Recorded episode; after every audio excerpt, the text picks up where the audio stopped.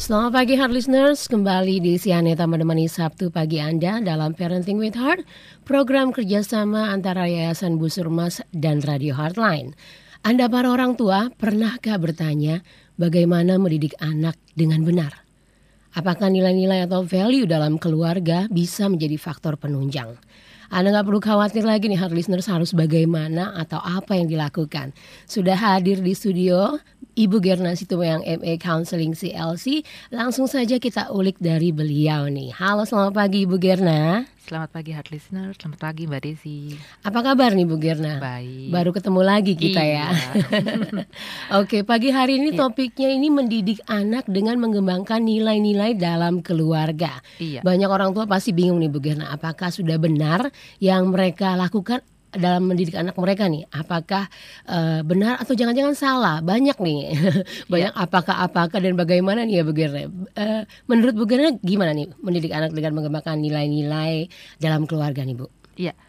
Em, berdasarkan kasus ya orang tua dan anak, eh, saya melihat bahwa orang tua tuh lebih senang memperbaiki perilaku anak ya, itu dengan berusaha mengendalikan anak ya dibanding membangun nilai-nilai. Mhm. Jadi bagaimana ya? eh, mengapa anak saya tidak ada motivasi belajar misalnya? Mengapa anak saya eh, tidak tidak meng- bisa mengetahui standar-standar nilai-nilai dalam keluarga gitu? Kok anak saya tidak bisa eh, berani menolak gitu ya ketika eh, dia berhadapan dengan nilai yang tidak sama gitu. Jadi lebih banyak eh, mengkritik, menasehati atau mengomeli eh, daripada membangun nilai-nilai eh, pada diri anak sejak dini yaitu dengan eh, cara eh, bagaimana kita bercerita, Mhm. bagaimana kita mendorong ya. Nanti kita akan eh, belajar eh, bagaimana sih eh, metodenya kita mengajarkan nilai-nilai pada anak. Memang kelihatannya sih eh, mudah gitu ya, Mhm, tetapi mhm. sering kali memang kita terjebak pada saat eh, anak sudah semakin bertambah usia, Mhm. ya itu dalam masa transisi itu kita sering terjebak kita masih memakai pola yang sama. iya Iya Mbak Desi. Mm, Berarti Iya. semakin anaknya beranjak uh, usianya semakin Iya. berbeda ya polanya mungkin ada yang lebih Berbeda. ditambahkan. Iya. Iya, Oke. iya. Mengawali obrolan kita nih, Ibu saya ingin Iya. tahu pentingkah mengajarkan nilai-nilai kepada anak kita? Mengapa itu menjadi keharusan bagi setiap orang tua, Bu? Iya, penting sekali ya Mbak Desi karena memang ketika anak-anak nanti sudah lepas dari orang tua, mereka akan membangun identitas identitas yang terpisah dari orang tua. Mhm. Nah, bagaimana anak di kemudian hari itu pastinya akan berhubungan langsung dengan bagaimana kita orang tua dalam mempersiapkan mereka saat ini. Ya, jadi sehingga kalau kita mau anak kita nanti menjadi anak-anak yang kuat, percaya diri dan beriman pada Tuhan, nah itu harus dimulai dari sekarang. Ya, ada pepatah kan didiklah orang muda menurut jalan yang patut baginya, Mhm. maka pada masa tuanya pun ia tidak akan menyimpang pada jalan itu Iya. ya kita suka mendengar eh, pepatah ini ya jadi sekarang ini kan ap- bagaimana perilaku anak kita di luar ya di masyarakat itu sangat ditentukan oleh bagaimana didikan orang tuanya di dalam keluarga Iya. ya di dalam lingkungan ya Mhm. jadi kita tahu sendiri bahwa tidak ada masyarakat saat ini yang di luar sana yang secara moral bisa melingkupi dan mendukung nilai-nilai eh, keluarga yang kita tanamkan pada anak Iya. gitu ya. Mhm. Kita tahu sendiri sekarang ini program televisi ya, pornografi ya, belum lagi tekanan teman sebaya yang negatif Iya. ya. Mhm. Itu sangat eh, apa berbeda sekali dengan moral yang di rumah dan moral di masyarakat. Mhm. Sehingga eh, bagaimana anak kita nanti bersikap ber- berperilaku di luar itu tergantung bagaimana eh, perilaku yang kita ajarkan atau kita tanamkan nilai-nilai apa yang nanti itu akan membentuk eh, karakter atau perilaku moral mereka. Dan itu berpengaruh di luar. Jadi eh, kita juga nggak bisa menyalahkan lingkungan ya atau sekitar bahwa ketika anak kita berperilaku yang tidak bermoral kita langsung menyalahkan sekitar kita. Tapi bagaimana kita mengambil bagian sejak dini sebagai orang tua menanamkan nilai-nilai membangun nilai-nilai ini pada anak sehingga itu menjadi eh, karakter mereka nantinya Oke, Iya. eh, bahkan untuk di sekolah aja kita tidak bisa berharap ya kalau anak-anak Iya. bisa mendapatkan nilai-nilai yang yang diperlukan oleh mereka ya Bu ya, tetap Iya. balik lagi kepada keluarga ya Bu ya. kembali lagi kepada keluarga Iya. Nah, Iya. eh, bagaimana nih orang tua mengajarkan nilai-nilai kepada anak? Yang bagusnya itu seperti apa, Bu? Iya, ini tadi yang eh, sedikit disinggung oleh saya bahwa sering kali kita uh, terjebak dengan saat yang harusnya kita sudah berubah cara mm -hmm. uh, mengajarkan, ini kita masih sama polanya ya. Mm -hmm. Jadi ada dua metode ya, metode dengan instruktif instruksi atau prohibitif ya. Mm -hmm. Ini biasanya penerapannya itu dengan kita memperingatkan, melarang ya, terus menghukum, memberitahu konsekuensi konsekuensi kepada anak. Metode ini kita banyak melakukannya pada bagian awal itu mm -hmm. anak di bawah usia tiga tahun. Oh iya masih ya, usia dini ya berarti ya, iya, ya, ya. biasanya anak kan kalau misalnya main-main dispenser mm-hmm. air panas gitu kita langsung eksekusi ya kita iya. nggak yeah. menjelaskan mengapa tidak Kenapa, bolehnya ya, kan ya. keburu anak itu terluka ya atau mungkin juga contoh misalnya waktu kecil gitu ya anak-anak pada usia dua tahun kita ajak jalan-jalan ke taman itu kan sering lihat bunga ya nah dia mau petik bunga ya nah kita biasanya refleks tuh kalau anak usia dua tahun langsung tepok tuh tangannya nah, nah memang kan anak usia segini belum bisa uh, mengerti konsep iya. kan alasan hmm. moral kenapa tidak boleh metik kita jelaskan juga dia tidak akan bisa menangkap dia yang dia pasti yang uh, membuat dia tidak melakukan lagi ya biasanya adalah uh, konsekuensi konkret mm-hmm. yang kita berikan yaitu menepok tangannya. Jadi mm-hmm. itu suatu uh, kepekaan bahwa uh, dia tidak boleh melakukan itu. Mm-hmm. Ya saat itu dia taunya ya nanti dia akan ditepok, dipukul gitu ya. Yeah. Uh, tidak boleh melakukan. Nah, ini ketika anak bertambahnya usia kita harus berubah. Ya, kita harus berubah yaitu kita harus menambahkan alasan moral uh, pada dalam instruksi kita kenapa anak tidak boleh memetik bunga ya. Nah, itu kita sebut metode positif. Mm-hmm. Ya, jadi kita lebih banyak memberikan dorongan semangat, peneguhan atau penegasan dan dialog mm-hmm. dengan anak. Sehingga anak melakukannya itu bukan karena takut. Jadi kalau waktu anak di bawah tiga tahun dia tidak melakukan itu karena uh, ya tadi itu sensornya itu dia uh, takut ditepok karena mm-hmm. memang takut kena hukuman, mm-hmm. konsekuensi. Ya, tapi seiring bertambahnya usia ketika dia sudah mengenal konsep, kita harus memberitahukan alasan moral. Sehingga anak tuh melakukannya itu dari motivasi cinta kebaikan. Dia tahu itu benar. Jadi bukan mm -hmm. karena takut dihukum.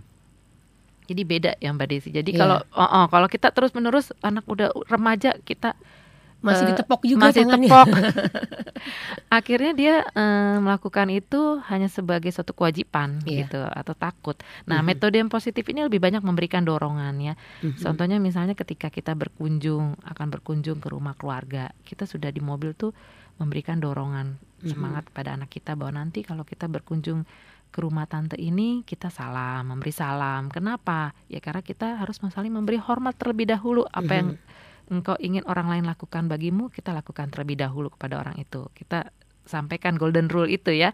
Mm-hmm. Nah, e, nanti mereka akan melakukannya. Jadi bukan karena nanti hmm, ketika anak kita tidak ber, e, berlaku tidak sopan, mungkin langsung main duduk atau langsung nyalain TV, rumah di mana kita yang uh, datengin atau langsung buka lemari es kita langsung marah atau kita langsung pukul anak kita. Tapi kita sudah terlebih dahulu memberikan dorongan semangat kepada anak kita yaitu metode positif. Nah ini yang sering kali di, uh, di saat transisi kita uh, lupa gitu kita masih melakukan hal-hal yang sama. Mm -hmm pada saat mereka di bawah tiga tahun. Iya, padahal beda ya Bu ya dengan iya. metode prohibitif dan juga metode positif. Iya. Usianya juga berbeda. Nah, untuk lebih jelasnya nih kepada hard listeners, iya. kira-kira kita bisa memakai metode prohibitif untuk usia berapa sampai berapa dan yang metode positif bagaimana Bu? Iya, metode prohibitif ini kita mau uh, memakainya penerapan ini ketika anak uh, di bawah tiga tahun. Di bawah tiga tahun uh, ya. Uh, jadi dia baru tahu benar atau salah aja. Oke. Okay. Ya kalau memetik bunga tuh salah, yaitu dengan konsekuensinya itu tadi sensornya dengan uh, secara konkret ya ditepok rasa sakit itu mm-hmm. yang dirasakan. Tapi ketika anak sudah mengerti konsep ya itu pada usia tiga tahun uh, ke atas kita sudah mulai melakukan metode positif. positif. Uh, walaupun mungkin uh, semakin lama itu mau porsinya aja ya kita mm -hmm. uh, dialog itu mungkin kalau anak di bawah 8 tahun itu kan tidak sebanyak ketika anak remaja yeah. gitu penjelasannya. Mm -hmm. Jadi mengapa kita harus bekerja sama itu kan mungkin kalau waktu anak di bawah 8 tahun ya kita bekerja sama yaitu uh, kita saling uh, apa mau menunggu giliran misalnya begitu. Mm -hmm. Terus melakukan menunggu giliran atau ketika bermain berbagi gitu kan itu arti dari bekerja sama secara konkret dimengerti oleh anak seperti itu tapi se seiring bertambahnya usia anak bekerja sama itu menghasilkan sesuatu yang baik mungkin seperti apa Iya. gitu kan. Lebih Mhm. lebih konkret lagi, lebih lebih detail Mhm. gitu aja Mbak Desi. Iya, berarti dari usia tiga tahun ke atas Usia itu sudah atas. bisa ya Iya. diajak berdialog. Cuma bobot dialognya aja bobot berbeda. dialognya betul Iya. berbeda. Iya. Oke, nah kalau misalnya orang tua Mm-mm. sudah eh, mengajarkan nilai-nilai nih kepada anak ya bu Iya. ya, Eh, apakah eh, bagaimana kira-kira nilai orang tua itu bisa menjadi nilai atau keyakinan diri sendiri? Ini yang eh, sering kali terjadi memang eh, kita merasa sudah mengajarkan nilai, Hmm. tapi mengapa itu belum menjadi nilai diri anak itu sendiri ya? Mhm, Di luaran it- di luar sikap anak itu berbeda ketika di dalam eh, keluarga, mhm, eh, dalam rumah. Nah ini pertama mungkin juga karena teladan orang tua, ya. Memang eh, meniru itu lebih mudah daripada eh, mendengarkan kata-kata ya. mhm. Jadi ketika kita mau mengajarkan tentang eh, mengasihi gitu ya, eh, tapi kita sendiri sering berkonflik dengan pasangan kita, Mhm. ya. Jadi memang eh, kehidupan orang tua itu ya sangat berdampak, sangat lebih mudah dilihat oleh anak dibanding mungkin nasihat ataupun eh, kata-kata kita Mhm. begitu. Nah jadi anak tuh melihat bagaimana sih kita menjalani kehidupan ini gitu ya Mhm. ketika kita menghadapi konflik dengan orang lain. Terus apa sih yang menjadi prioritas kita? Apakah karir, apakah keluarga, atau ke orang lain? Itu dilihat dengan interaksi kita di dalam kehidupan oleh anak kita. Mhm. Nah, bagaimana sikap kita terhadap uang dan waktu? Apakah kita menghargai atau eh, apakah kita sering ngaret, tidak tepat waktu? Mhm. dan bagaimana itu tadi kita memperlakukan orang lain milik milik kita ya eh, barang-barang milik kita apakah kita eh, sangat menghargai dengan mengajarkan eh, bagaimana merawat milik barang milik atau mungkin kita sangat mudah sekali menghilangkan sesuatu barang gitu Mhm. nah apa yang penting bagi kita orang tua Mhm. nilai-nilai apa yang kita cintai itu anak eh, sangat bisa membaca jelas dari Mhm. kehidupan kita daripada sekedar mempercayai kata-kata ya jadi eh, apa yang kita ka- sampaikan itu harus kita lakukan Mhm. itu eh, menjadi sesuatu yang efektif buat anak-anak Hard listener, sebagai orang tua kita harus menjadi teladan bagi anak-anak kita agar nilai-nilai yang kita tanamkan bisa menjadi nilai atau keyakinan yang ada pada anak kita. Selain menjadi teladan, apalagi yang bisa para orang tua lakukan Ibu Kirna? Iya, selain teladan hubungan ya Mbak Mbak Desi ya. Eh bagaimana tadi ya kita sudah singgung bagaimana kualitas perilaku mereka eh, di luar itu positif dan sehat itu adalah tergantung dari bagaimana kualitas eh, hubungan yang terjadi dalam keluarga. Mhm. Jadi kebanyakan memang eh, pemberontakan itu terjadi pada usia remaja ya. Iya. Seringkali kita melihat pemberontakan pada remaja itu adalah eh, karena pemberontakan pada peraturan gitu yang ditentang oleh remaja atau Mhm. masalah hormon begitu ya mitosnya. Iya. Tapi sebenarnya yang terjadi adalah eh, pertentangan mereka terhadap otoritas yang menetapkan aturan tersebut. Jadi apa peraturan yang ditetapkan itu tidak dijalankan oleh eh, si pen- eh, otoritas ini, pemegang Mhm. otoritas ini yaitu Mhm. orang tua, ya. Dan ini memang akarnya adalah hubungan, ya. Jadi eh, hubungan yang kurang kuat inilah yang menyebabkan penolakan. Jadi si anak tidak meyakini atau tidak melaku, eh, tidak menjalankan apa yang sudah ditanamkan nilai-nilai oleh orang tua Mhm. begitu. Jadi eh, memang sangat berpengaruh sekali. Jadi pola perilaku yang positif dan sehat atau negatif itu tergantung nanti bagaimana eh, relasi orang tua dengan anak. Jadi Mhm. kalau memang relasinya ini kuat baik, nah biasanya anak ada trust, kepercayaan dan apalagi di tadi eh, kita sudah eh, menyampaikan teladan. Mhm. Dia melihat bahwa apa yang disampaikan orang tua itu dilakukan juga oleh orang tua dan di- ditambah dengan kepercayaan. Nah ini akan dengan sendirinya anak melakukan dengan eh, senang hati. Dia tahu bahwa dengan motivasi dia mencintai kebaikan itu. Dia tahu melakukan itu karena benar. Mhm. Jadi bukan karena eh, diminta, diinstruksi, disuruh, tapi memang dari hatinya sendiri, dari dalam Mhm. dirinya sendiri ada motivasi eh, untuk melakukannya. Berarti hubungan dari orang tua terhadap anak juga ya Bu ya berpengaruh ya Iya, dengan kunci. ya uh-uh. menjadi kunci ya dengan eh, Uh-uh. rela nggak sih anak ini melakukannya gitu ya Bu ya? Iya, karena kalau misalnya eh, dia merasa diterima atau Mhm. dikasihi, ada rasa nyaman, itu dia juga punya rasa nyaman untuk mengidentifikasi dirinya mm -hmm. dengan nilai-nilai keluarga. Mm -hmm. Ya jadi bagaimana anak mau mengidentifikasi diri dengan keluarga kalau dia sendiri tidak ada rasa nyaman, tidak rasa dihargai dan tidak melihat teladan dan tidak yeah. adanya hubungan gitu. Mm -hmm. Mm -hmm. Jadi uh, itu mengapa kita merasa orang tua sudah mengajarkan nilai tetapi anak tidak melakukan dalam kehidupannya. Iya. Iya. Berarti kalau uh, sampai pada titik tersebut orang tua harus berpikir nih apakah sudah menjadi teladan iya. atau mempunyai hubungan yang bisa menjadi teladan juga ya Bu ya, gitu ya Bu ya. Iya. Dan juga selain dia mengidentifikasi dirinya mm -hmm. itu dengan nilai keluarga dan dia juga nanti akan mencari teman-teman yang nilainya yang sama, sama dengan dia. Iya, betul. Uh -uh. Mm -hmm. Jadi kalau dia tidak merasa nyaman, tidak merasa dihargai di di dalam keluarga, tidak ada perilaku yang dia tidak akan menunjukkan perilaku yang positif itu di dalam uh, lingkungannya. Mm-hmm. Jadi dia akan uh, lebih mengidentifikasi dengan di luar dibanding dari dalam keluarga. Iya. Mm-hmm. Berarti kalau dalam keluarga sudah solid atau solid, mungkin iya. ya sudah sudah baik nih ya menurut iya. uh, anak-anak ya secara tidak langsung di luar pun mereka akan bisa menjaga dirinya sendiri ya bu ya. Menjaga dirinya sendiri. Mm-hmm. Jadi kita nggak usah sibuk kepo. iya benar, hanya perlu di rumah saja ya dibekali iya, gitu ya Bu ya. Iya, kita terus aja tanamkan nilai sebanyak-banyaknya, iya. teladan dan uh, membangun hubungan dengan mm. anak kita sehingga ada trust antara orang tua dan anak, anak dan orang tua. Iya. iya. Terus uh, apa lagi nih Bu kira-kira? Uh, yang selanjutnya ada tadi transisi ya. Mm-hmm. Transisi ini memang uh, bagaimana orang tua bisa merubah uh, pendekatan dari tadi prohibitif ke mm-hmm. metode yang positif. Jadi uh, kita nggak bisa lagi ya anak remaja masih dinasehatin, diomelin, mm -hmm. dipukul, mm -hmm. ya itu masih saya sering menemukan orang tua seperti itu ya. Jadi uh, ketika remaja kita harus lebih banyak uh, memberikan alasan moral. Alasan moral tuh pada justru ma malah pada usia 8 tahun sebelum remaja mm -hmm. tuh kita memberikan alasan moral, tapi mm -hmm. pada usia remaja kita lebih banyak dialog, bentuknya pertanyaan. Mm -hmm.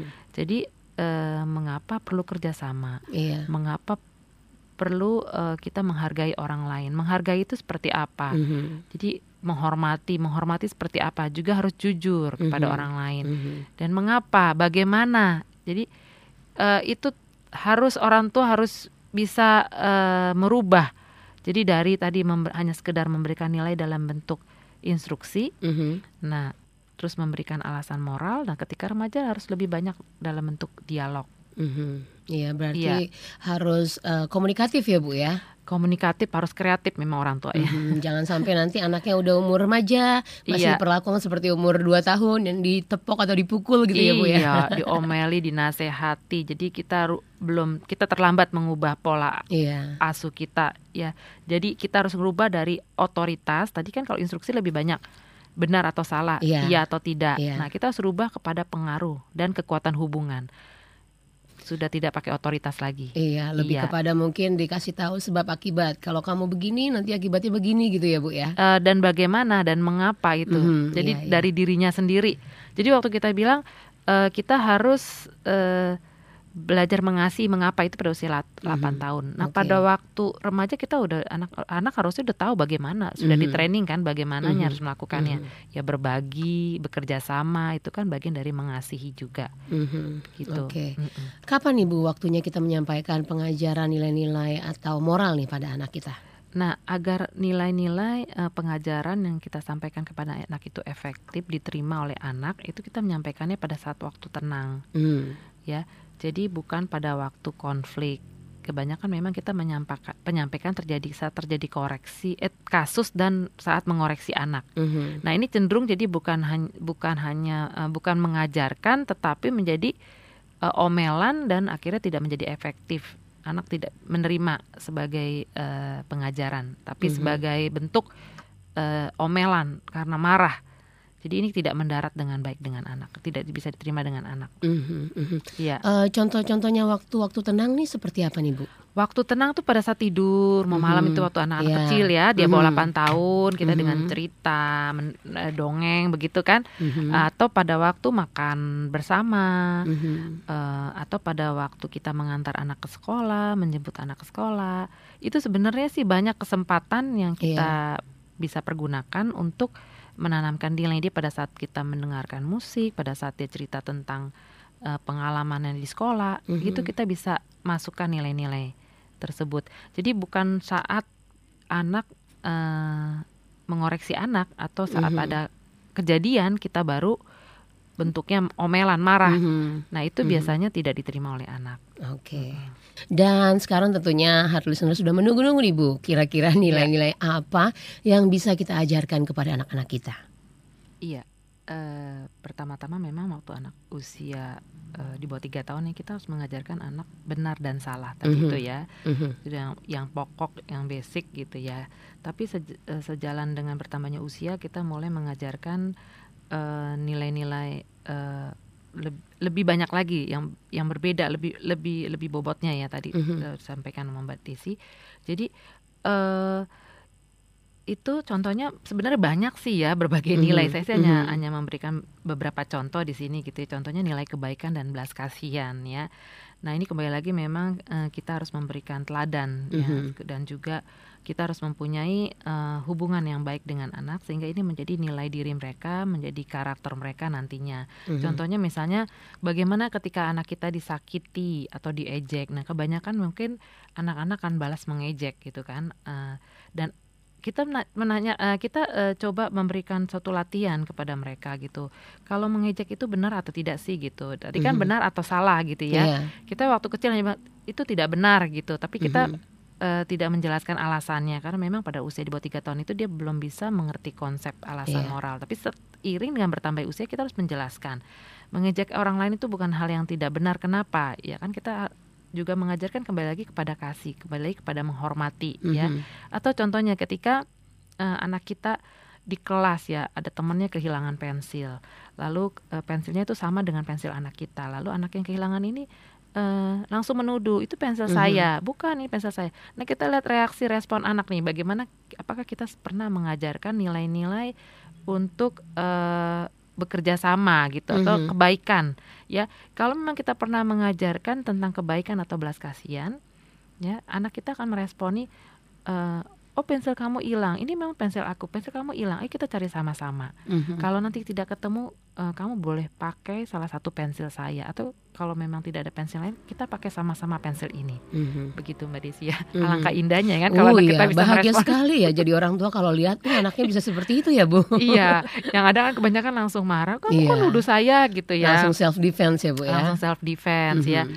Tapi kalau misalnya kita eh, sering eh, mengajarkan berulang-ulang pada anak kita mengenai golden rule ya, lakukanlah apa yang orang lain apa yang engkau mau lakukan, Mhm. orang lain lakukan Iya. kepada engkau gitu ya. Mhm. Eh, itu eh, ik- itu akan menjadi ident- identitas diri anak kita. Dia akan recall segala hal yang sudah diajarkan ditanamkan pada anak pada diri dia. Mhm. Ya ketika dia mendapatkan situasi seperti itu, dia tidak marah, tapi dia malah menawarkan kebaikan itu dengan meminjamkan pensilnya Mhm. itu tentang nilai kebaikan dan belas kasihan atau juga kita bisa mengajarkan tentang bekerja itu baik ya kebanyakan anak-anak sekarang ini banyak dilatih menjadi seorang bos ya Hmm. yaitu eh, dilayani oleh asisten Iya. rumah tangga Mhm. ya bagaimana kita mengajarkan bahwa bekerja itu baik yaitu dengan eh, ya melatih mereka dengan hal-hal yang kecil ya dengan membersihkan eh, ruangannya Mhm. atau membereskan mainan setelah ber- selesai main bermain bereskan mainannya untuk anak-anak di bawah usia ti- tiga tahun ya Mhm. Eh, atau kalau mereka belum bisa kita bantu untuk membereskan sampai mereka bisa melakukannya sendiri ya karena eh, motivasi atau semangat untuk bekerja itu eh, juga eh, dilihat dari lingkungannya keluarga jadi kalau kita eh, mager gitu orang tua ya malas gerak istilah sekarang ya Iya betul. anak-anak juga pasti juga menjadi mager, malas gerak. Jadi kita Mhm. juga harus menunjukkan bahwa pekerja itu baik ya kita melakukan pekerjaan em, setelah makan taruh makan eh, apa Mhm. bekas makan kita ke tempatnya atau eh, kita juga eh, sk- terlihat memberes-beres, membersihkan rumah dan juga juga kita mengajarkan anak juga bekerja dengan tepat waktu, bagaimana Mhm. kita menghargai waktu dan mengajarkan bagaimana menyelesaikan pekerjaan dengan tepat waktu dan dengan bekerja keras. Mhm. Jadi itu nilai-nilai yang kita tanamkan pada anak-anak. Jadi sering kali orang tua hanya datang kepada kita atau kepada guru, gimana kenapa ya anak saya kok eh, mudah sekali menyerah eh, ketika berha- eh, mendapati kesulitan di dalam belajarnya. Mhm. Jadi eh, itu juga eh, bisa kita kembali lagi kepada diri kita orang tua. Apakah kita udah mengajarkan anak untuk bekerja keras, untuk berjuang ya? itu nilai-nilai yang didapatkan di dalam keluarga. Sebenarnya yang pertama seperti itu. Lalu kejujuran dan integritas ya. Integritas dan kedewasaan ini adalah tanggung jawab atas uh, perbuatan bagaimana uh, dia bisa uh, bertanggung jawab atas perbuatannya ya.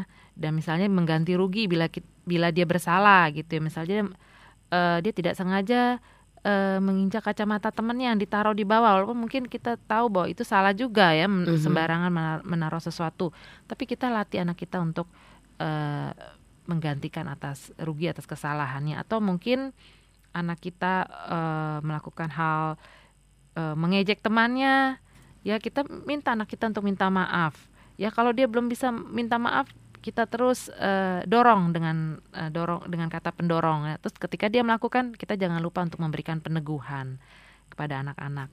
Ya jadi memang ini semua nilai-nilai uh, ini dimulai dari keluarga gitu Mbak Desi. Iya. Mm -mm. Oke Bu Gerna sebelum kita tutup yeah. sesi kita pagi ini yeah. mungkin Bu Gerna bisa menyimpulkan seluruh pembicaraan kita pagi hari ini dan memberikan informasi kepada heart listeners di mana kalau heart listeners ingin langsung berinteraksi dengan Bu Gerna silakan. Iya, kalau kita analogikan ilalang ya, ilalang itu lebih mudah dicabut ketika masih kecil, mm-hmm. ya Mbak Desi. Ya begitu juga ketika kita ingin anak kita berperilaku atau memiliki karakter yang positif, itu lebih mudah untuk kita melakukannya sejak kecil. Jadi kalau hal-hal yang mungkin kita lihat kurang uh, perlu perlu dibangun, kita bisa melakukannya dari mereka sejak kecil, ya.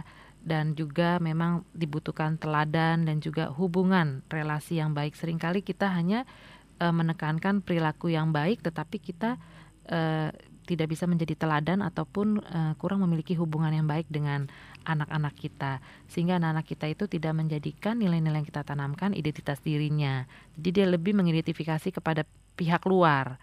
Jadi uh, melalui sharing hari ini kiranya uh, kita sebagai orang tua boleh menjadi teladan membangun hubungan dan sebanyak mungkin menanamkan nilai-nilai kepada anak sejak dini uh, dan kita berharap ketika mereka besar nanti ini menjadi nilai-nilai diri dan uh, menjadi karakter mereka yang kuat, tangguh dan uh, positif, senantiasa positif di dalam lingkungannya dan uh, menjadi uh, generasi yang tangguh untuk masa depan bangsa kita. Mm-hmm. Yeah. Oke. Okay.